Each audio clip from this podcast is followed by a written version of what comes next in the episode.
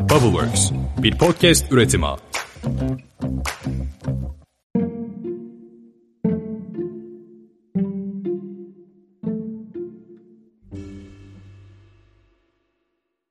Herkese selam. Bugün ditopik düşüncelerde çok özel bir konudan bahsediyor olacağız. Biraz yüksekten aşağılara ineceğimiz için kemerlerinizi bağlayın. Mimar olduğum için benim için duygusal, sizler içinse bu bölümün sonunda neden duygusal olduğunu anladığınız bir bölüm olacak. Başlıktan da okuduğunuz gibi A noktasından B noktasına gitmenin en duygusal halinden bahsediyor olacağız. E bir de size dedim ki yükseklerden aşağıya indiğimiz bir konu. Tabi aşağıdan yukarıda çıkabilirsiniz. Merdivenlerden bahsedeceğiz. Merdivenler mimarlıkta şiir yazmanın somut hali diyebiliriz. Yani mimarlar şiirlerini tasarımlarıyla yazar elbette. Nasıl bir şair muazzam bir şiir çıkardığında etkileniyorsak ve duygulanıyorsak, iyi bir mimar muazzam bir merdiven yaptığında gördüğünüzde o merdivenle bir şiir yazıldığını anlarsınız. Bugün bu şiir gibi olan merdivenlerden bahsedeceğiz. Ben öncelikle merdivenin en temel noktalarına değinmek istiyorum. Merdiven dediğimiz zaman bilmemiz gereken bazı terimler var. Basamak, baskıç, başlangıç basamağı, rıht gibi. Bir merdiveni merdiven yapan terimler bunlar. Merdiven başlı başına bir yapının boşluğu olarak isimlendirilebilir en baştan başlarsak. Yani bir yapıya bir merdiven boşluğu bırakmamız gerekir. O merdiveni orada hayata geçirmemiz için. Ve bu merdiven boşluğunun bir merdiven yüksekliği olur. Hayal edin. Şöyle gözlerinizi kapatın. O merdiven boşluğunu hayal edin bulunduğunuz yapıdaki. Hemen duvarları inşa edin. Orada bir mekan yaratın. Gözlerinizi kapattığınızda hayal ederken. Ve bir merdiven boşluğu yaratın o yapıya. Sonra o merdiven boşluğuna bir yükseklik verin. İşte bu merdiven yüksekliği. Merdiven yüksekliğini somutlaştırabilmemiz için basamaklar ortaya çıkarmamız gerekir. Ve basamakların ilki başlangıç basamağıdır. Başlangıç basamağı ile birlikte belirli yükseklikte ki bunun da bir standardı vardır. Bu standartla birlikte merdivenler oluşturulur. Yani sizin basamak dediğimiz baskıç olan alana kafamıza göre ölçülerini şekillendirdiğimiz bir alan değil. Basamak genişlikleri standart olarak 25 ve 28 santim arasında değişir ve bu her bir basamak belirli bir yükseklikte yine aynı global bir standardı olan 17 ve 18 santim arasında değişen rıht yükseklikleri olur. Ayağınızı bastığınız ve yükseldiğiniz basamak ve rıht yükseklikleri belirli bir standarta sahiptir yani. Şimdi tekrar hayalimize geri dönelim. Bu söylediğim ölçülerde biraz da matematiksel bilgi de kattık işin içine. Bastığınız ve yükseldiğiniz terimler olan basamak ve rıht yüksekliğimizde oluştuğuna göre nereye çıktınız? İlk olarak ara sahanlığa ya da sahanlığa tabii ki merdivenin tipine göre değişir. Şimdi ortaya yeni bir terim çıktı. Sahanlık. Sahanlık da merdiven başlarında ya da ortasında bırakılan düz yer diyebiliriz kabaca. Şimdi basamaklardan ve rıh dediğimiz bu standart ölçüdeki yüksekliklerle birlikte sahanlığa ya da ara sahanlığa ulaştık. Tahmin edersiniz ki her bir rıht toplamı bizim merdiven yüksekliğimizi oluşturuyor. E bir de sonuçta biz bir yükseklikten iniyoruz ya da belirli bir yerden bu yüksekliğe çıkıyoruz. E bizim düşmememiz ve korunmamız da gerekiyor. Bunu da merdiven kolu sağlıyor. Ama merdiven kolu tek başına bir sanat dalı diyemeyiz. Onun içinde onu sanat yapan, onu şiirleştiren iki öge var. Korkuluk ve küpeşte. Korkuluk ve küpeşteyi sınırsız bir şiir diliyle yazabilir, sanat haline getirebilir, şekillendirebilirsiniz. Tabii ki bu korkuluğun ve küpeştenin birleştiği sanat olan merdiven kolunun bir merdiven kovası bulunuyor. Yani bir merdivende üzerinde en çok yürünen doğrultu diyebiliriz buraya. Merdiven kolu arasındaki boşluk merdiven kovası. Bir merdiveni merdiven yapan tüm terimleri artık biliyorsunuz. Yani Dilara bunları niye anlattın şimdi? Zaten bilmiyor muyuz biz merdiven ne demek, basamak ne demek? Gözlerinizi kapatıp bir merdiven hayal ederken bu terimleri eminim ki düşünmemişsinizdir.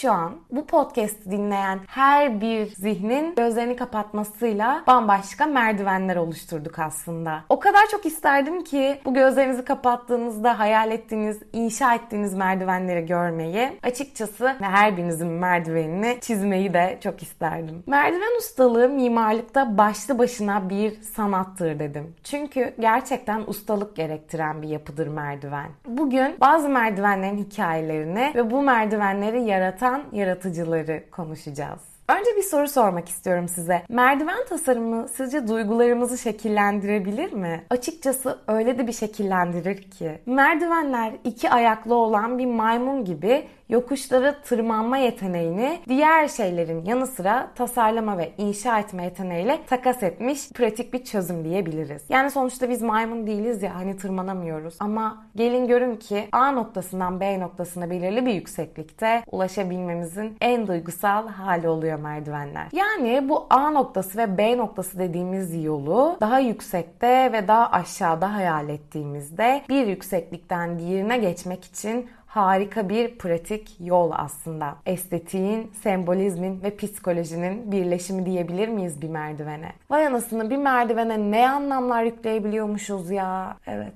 Bir merdivene bundan daha fazla anlamlar da yükleyebilirsiniz. Amerikalı mimar David Rockwell TED konuşmasında merdivenler için şöyle bir şey söylüyor. Bence merdivenler bir mimarın çalışması gereken ve en duygusal olan şekillendirilebilir fiziksel unsurlardan biri olabilir diyor. Yani aslında işin büyüsünü, merdivenin sihrini bu cümleden de anlayabiliriz. Şöyle düşünün, yapıda şiir inşa edebilirsiniz ve bunun sınırı yok. Bu şiiri şekillendirerek fiziksel unsurlarla somutlaştırabilirsiniz. Sanatçıların ve yazarların bildiği gibi denemeye başlamadan önce kuralları anlamanız gerekir. Aslında tam da burada şunu söylemeliyim ki podcast'e başlarken size merdiveni anlatmamın sebebi de buydu. Şiir yazarken de edebiyatçılar, şairler belirli kurallar dahilinde yazıyorlar değil mi? İşte bu yüzden size podcast'in başında bu terimleri anlattım ve hayal etmenizi istedim. Tam da bu noktada merdivenin de kurallarını anlamamız ve bilmemiz gerekiyor. Özellikle sadece hayal gücümüzde değil, fiziksel yasalara ve inşaat tekniklerine ve malzemenin sınırları dahiline bakmamız gerekiyor ve mümkün olduğunca bunu şiir haline getirmemiz gerekiyor. Ama elbette dünyada, ülkemizde bunun çok güzel örnekleri var. Az önce bahsettiğim mimar David Rockwell tüm merdivenlerin ortak bir dili paylaştığını söylüyor. Bu dilde size podcast'in başında anlattığım terimler. Basamaklar, üzerinde yürüdüğümüz yatay düzlemler, yükselticiler ise yani rıhtlar, birbirini izleyen her bir sırtı ayıran dikey elemanlar. Yani merdiven bu yatay ve dikey elemanların oluşturduğu şiirden oluşuyor. Tabii ki merdiven de kendi içerisinde tiplere ayrılabiliyor. Yani düz merdivenler olabiliyor, spiral merdivenler olabiliyor, L şeklinde kavisli, yarım dönüşlü, ara sahanlıklı, ara sahanlık olmadan düz ilerleyen, daha fazlası farklı mekanlara sığdırmak ve farklı efektler yaratmak için kullanılan merdivenler bunlar. E, ve sonra elbette zıt yönlere ayrılan özellikle bu saraylarda, eski yapılarda, önemli yapılarda gördüğümüz haşmetli merdivenler de olabiliyor. İki küçük uçuşa bölündükleri için büyük oluyorlar. Geniş, drama ve zenginlikten bahseden klasik çatallı merdivenler oluyor bunlar. Ve gerçekten çokça köşklerde, görkemli yapılarda, saraylarda bu merdivenleri görürüz. Ayrıca merdivenler çok fazla mitolojik ve sembolizm ögeler de içeriyor. Yani gökyüzüne tırmanmak, derinlere inmek, birçok kültürde farklı şeyleri de temsil ediyor.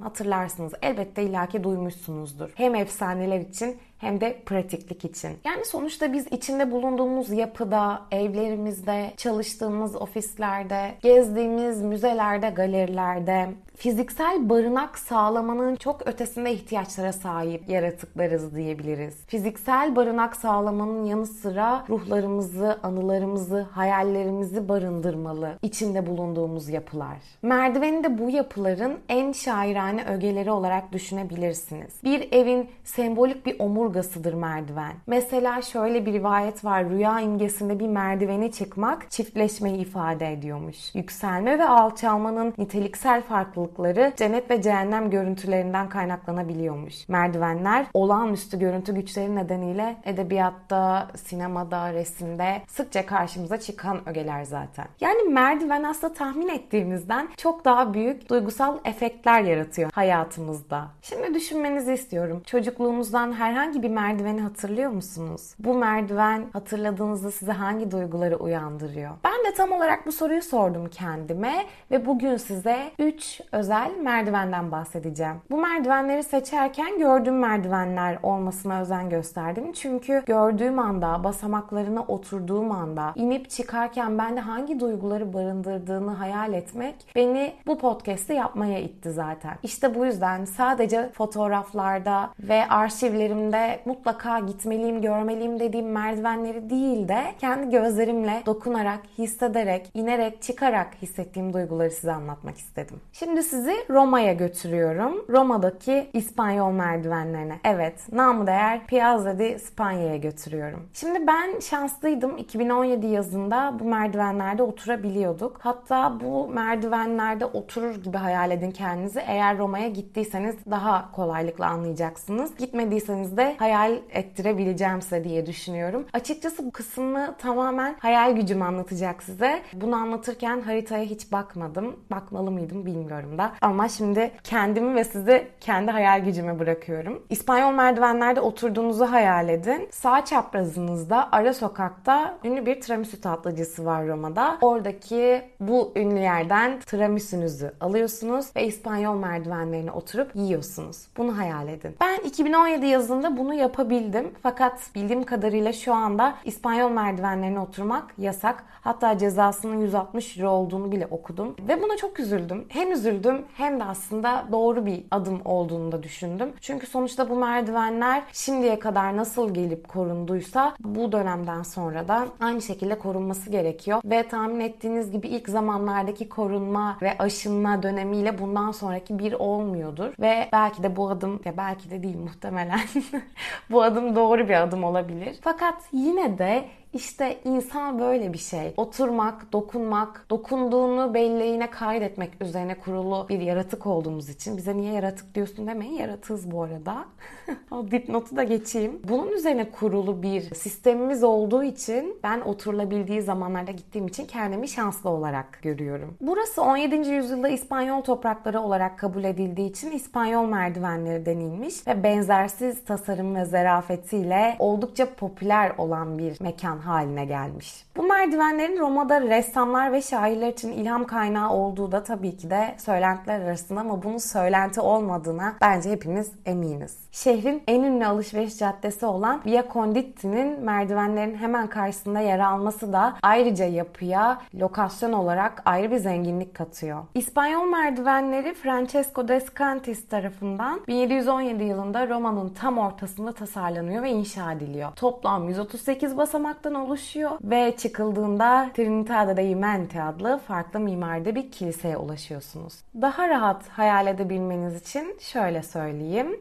Merdivenlerden çıktığınızda tepede Trinità dei Monti Kilisesi'nin önünde Sallustiano obeliski görüyorsunuz. Yani Sallustiano dikili taşını. Sonra dikili taşı arkanıza aldığınızda ve önünüzü çıktığınız merdivenlere doğru döndüğünüzde Fontana delle Barcaccia'yı görüyorsunuz. Fontana delle Barcaccia da İtalya'nın başkenti Roma'da İspanyol merdivenlerinin hemen altında bulunan barok tarzda yapılmış bir tatlı su çeşmesi. Yani 138 basamaklı bu görkemli merdivenden yukarı çıkarken Trinata dei Monti Kilisesi'ne göz kırparken Sallustiano obeliskine aşağıdan yavaşça süzerken sırtınızı dikili taşa çevirdiğinizde Fontana delle Barcaccia'yı selamlayabilirsiniz. Aynı zamanda eğer elinizde tiramisu'nuz varsa artık ayakta onu yiyerek şehri izleyebilirsiniz. İşte İspanyol merdivenlerinin sihirli şehir hikayesi bu şekilde. Şimdi sizi Venedik'e götürüyorum. Venedik'e neden götürüyorum? Çünkü malzeme dehası bir mimar olan Carlo Scarpa'nın Venedik'e çok önemli izleri olduğu için götürüyorum. Merdivenden bahsedip de Carlo Scarpa'dan bahsetmeseydim gerçekten çok ayıp olurdu. Zaten çoğu mimar da Carlo Scarpa aşığıdır bence. Peki Dilara kim bu Carlo Scarpa derseniz 1906 yılında Venedik'te doğuyor ve mimar bir tasarımcı olan Scarpa Venedik Sanat Akademisi'nden ayrıldıktan sonra profesyonel çalışma hayatına başlıyor. Şimdi kendisi aslında mimar olmanın yanında bir zanaatkar. Çünkü her mimar zanaatkar değildir. Bunu kabul edelim. Kendisinin kariyeri gerçekten oturulup konuşulacak ayrı bir podcast yapılacak bir kariyer olduğu için ben hemen Venedik'te bulunan Fondazione Quarini Stampaglia'ya gitmek istiyorum. Peki bu Fondazione Quarini Stampaglia ne derseniz Hemen söyleyeyim. 1869 yılında Quarini Stampaglia ailesinin son torunu olan Kont Giovanni Quarini tarafından kuruluyor bu fondasyone. Scarpa'da 16. yüzyıl sarayı olan Quarini Stampaglia'nın zemin katını ve bahçesini restore eden mimar oluyor. Şimdi Scarpa'nın birçok yapısında olduğu gibi bu yapısı da yeni ve eski unsurların dengeli bir kombinasyonu diyebiliriz. Ama bunun yanı sıra buradaki başka bir sihir ve şiir malzemenin ustaca kullanımı oluyor. Tekrar Fondazione Coerni Stampaglia'ya dönüyorum. Burası bir kültürel oluşum. Yani aslında burası Giovanni Coerni'nin emriyle 1869 yılında bir kültür kurumu olarak yapılıyor. Ve Scarpa burada bu tarihi binanın zemin katında iç dış ve bahçelerinde boşluklar tasarlayarak aslında bir boşluk sanatı yaratıyor. Bu boşluk sanatını da yüksekliklerle, basılan alanlarla bir şiir haline getiriyor. Şimdi neden sürekli Fondazione Coerni Stampaglia'ya şiir dediğimi soracak olursanız buranın bir özel durumu var. Normalde geçici sergiler ve konferanslar için kullanılan bu zemin kat projesinde yüksek su sorunu var. Yani biliyorsunuz Venedik'in aslında aslında bu alçalan ve yükselen su durumu aslında uzun zamandır var. Yani Scarpa'nın yaptığı dönemde de bu su yükseliyor, alçalıyor ve yapılarda bir sorun haline de gelebiliyor. Ama bu sorunu sorun olarak görmeyip bir sanat haline getirdiği zaman Scarpa işte burada yapının ve tasarımın şiir haline gelmiş halini görüyoruz. Hemen anlatıyorum. Bu projede yüksek su sorunu olduğu için Scarpa tarafından bu sorun çok akıllıca bir şekilde ele alınıyor. Mimarımız Scarpa suyun varlığı varlığını tamamen kabul ediyor. Bunu bir sorun olarak görmüyor dediğim gibi ve suyu girişe engel olarak görmek yerine binayı hoş olarak karşılayacak şekle getiriyor. Biz bu hoş karşılama durumunu yapının girişindeki, zemin katındaki basamaklardan ve bu basamakları şiir haline getiren yüksekliklerinden anlıyoruz. Suyun alçalması ve azalmasıyla bu basamaklar konuşur hale geliyor. Bunu anlayabilmeniz için hemen Google amcadan Carlos Scarpa Fondazione Fondazione Coerni Stampaglia Ya da merdivenleri yazmanızı tavsiye ediyorum. Yani mimar birçok farklı sorunla karşılaşabilir ama bu sorunu nasıl çözdüğü ya da tasarıma nasıl dahil ettiği işte mimarın aslında zihinsel zanatkarlığı olabiliyor. Şimdi Carlos Scarpa'nın bu restore ettiği yapı büyük kanal yanında yer almasından dolayı bahsettiğim gibi bazı aylarda yükselen kanalın suları zemin kata doluyor. Yani bu suyun yükselmesi ve alçalması dönemleri aslında yapıyı bazen dövüyor suyla bazen geri çekiliyor su. E, dolayısıyla yükselen kanalın suları zemin kata doluyor ve 1800'lü yıllarda depo olarak kullanılan bahçe Carlos Scarpa'nın sihirli dokunuşuyla yeni ve etkileyici bir sergi alanına dönüştürülüyor. Bahçeye dolan su ustalıkla, bakın zanaatkarlıkla bakır, beton ve mozaikten oluşan derin havuzlara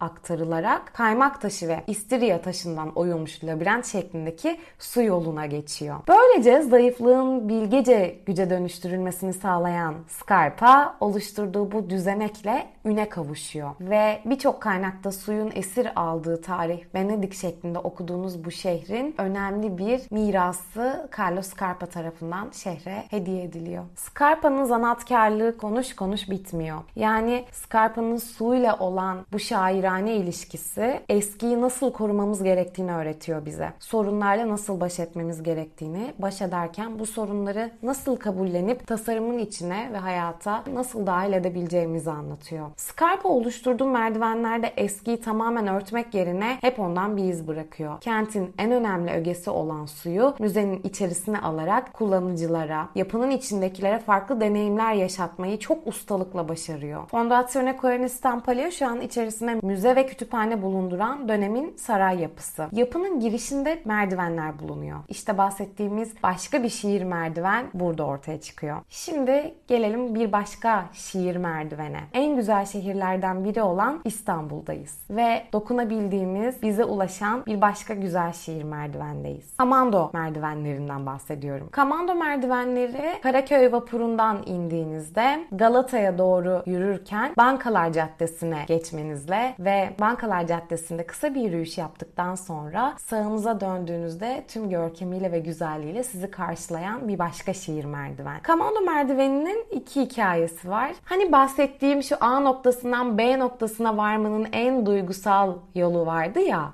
İşte Kamondo merdivenlerin hikayesi de buna benziyor. Kamondo merdivenleri deyince elbette Kamondo ailesini de bilmemiz gerekiyor. Çünkü Kamondo ailesinden bize yani İstanbul'a miras kalan merdiven. Voyvodo Caddesi ile Bankerler Sokağı'nın kesişimini oluşturan merdivenlerin öyküsü Abraham Salamon'un bir aşkıyla ortaya çıkıyor. Şimdi bu merdivenler halk arasında aşıklar merdiveni olarak biliniyor ama hayallerinizi yıkmak gibi olmasın. Bu bildiğimiz aşk değil. Torun aşkı. Abraham Salomon'un torunları Avusturya Lisesi'nde okuyor ve torunlarının okullarına giderken uzun yollar ve yokuşlar çıkmak zorunda kaldığını gören dedemiz merdivenleri yaptırma kararı alıyor. Şimdi bu merdiven şu konuda çok iyi bir örnek. Mutlaka beni dinleyen mimarlık öğrencileri vardır. Hemen bir kenara not alın bence. Bize tasarımlarımızda hep şu söylenir. Neden böyle yaptın? Bu neden böyle oldu? Eğer bu işleve ya da herhangi bir parametreye dayanmıyorsa burada bir eksikliğiniz var demektir. Yani ben yapmak istedim ve oldu diye bir şey yoktur. Şimdi merdivenlerini bilenler, görenler, gitmişler ya da fotoğrafını açmış şu an bakanlar bir düşünsünler. Bu döner bir merdiven yapısında ve iki parçadan oluşuyor. Neden böyle yapılmış acaba? Yani bunun bir sebebi olmalı. Şimdi biz bir mimar olsak ve projemizde böyle bir merdiven yapsak bize sorsalar deseler ki e şimdi neden döner bir merdiven yaptın ve bunu iki parçalı olarak yaptın? Bizim mantıklı bir açıklamamız ve dayandırdığımız belirli parametrelerimiz olması gerekiyor. İşte Abraham Solomon dedemizin de parametreleri şunlarmış. Merdivenin bu şekilde döner ve iki parçalı olmasının sebebi düşen çocuğun en azından bir noktada durabilmesini sağlamak. Döner olmasının sebebi de daha dikkatli bir şekilde ve daha az zedelenecek şekilde bir düşme olabileceğinin düşünülmesi. Merdivenimiz Art Nouveau üsluplu bir merdiven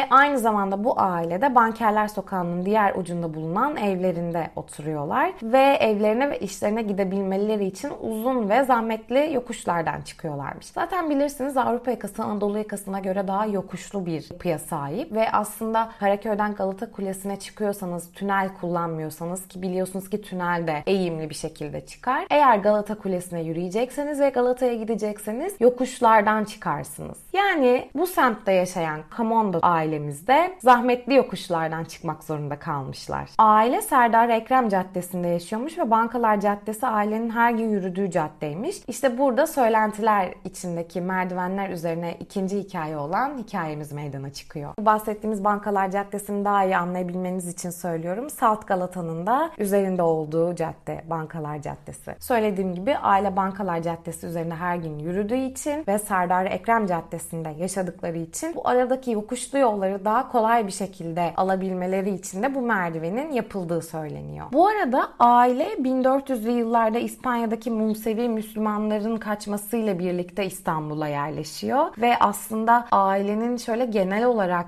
hikayesine baktığımızda İstanbul'a çok büyük katkıları, ekonomiye ve finans olarak aslında devlete çok büyük katkıları olduğunu görüyoruz o zamanki Osmanlı döneminde. Kamandoların büyük dedesi olan Hayim Kamondo 1700 sonlarında Yeniçerilere kıyafet satarak ününe ün katıp zenginleşiyor. Fakat sonra kaynaklarda sebebini bulamadığımız bir şekilde Kıbrıs'a göç ediyor ve aile de İtalya'ya geri dönüyor. Fakat geri dönecekleri kesin bir şekilde. Çünkü aile İstanbul'a gerçekten aşık. Ve aile Osmanlı'ya geri dönüyor. Döndükleri dönemde Osmanlı'nın finans sektöründeki, o bankalar sektöründeki yeni yeni ayaklanmaya başladığı dönem. Abraham Salomon Camondo bankacılığın doğmasıyla birlikte Osmanlı'ya Camondo ailesi olarak verdiği çok büyük borçlarla tanınmaya başlıyor. Yani ailenin devlete verdiği borçlar finans sektöründe inanılmaz iyi iyileştirmelere, yapılanmalara ve tabii ki de Camondo ailesinin ününe ün katmasına sebep oluyor. Ayrıca Şişhane'deki Beyoğlu Belediyesi binası da Camondo ailesinin teşvikiyle yapılıyor ve bu bina için faiz almadan kredi veriyor Camondo ailesi. Daha sonra aile elbette Yahudi cemiyetinin güçlenmesi için de çalışıyor. Fakat modern okullar ve yapılar yaptıran bu aile geleneksel cemiyetle çatışıyor ve Abraham Salomon dininden aforoz edilmeye kadar gidiyor. Artık bu ailenin ününü kaybetmesiyle birlikte Camondo ailesi Paris'e göçüyorlar. Fakat Abraham Solomon Camondo o kadar aşık ki İstanbul'a öldükten sonra İstanbul'a defnedilmek istiyor ve gerçekten öyle de oluyor. İşte Camondo merdivenlerinin hikayesi de böyle. Merdivenlerin inşa edilmiş şiirler olduğunu umarım şimdi daha iyi anlamışsınızdır. Podcast'i bitirirken Rockwell'in şu sözünü de eklemek istiyorum sizin için. Bir merdiven o merdiven boyunca ilerlerken hızımızı, duygularımızı, güvenliğimizi, etrafımızdaki alanla olan etkileşimimizi belirler. Bir şiir okurken de aynı şeyleri hissedebilirsiniz. İşte bu yüzden merdivenler şiirlerin inşa edilmiş halidir. Umarım hayatınızda çokça bu şiir gibi merdivenlerle karşılaşırsınız ve A noktasından B noktasına varılabilecek en duygusal versiyonda varırsınız. Bir sonraki podcast'te görüşmek üzere. Bay bay.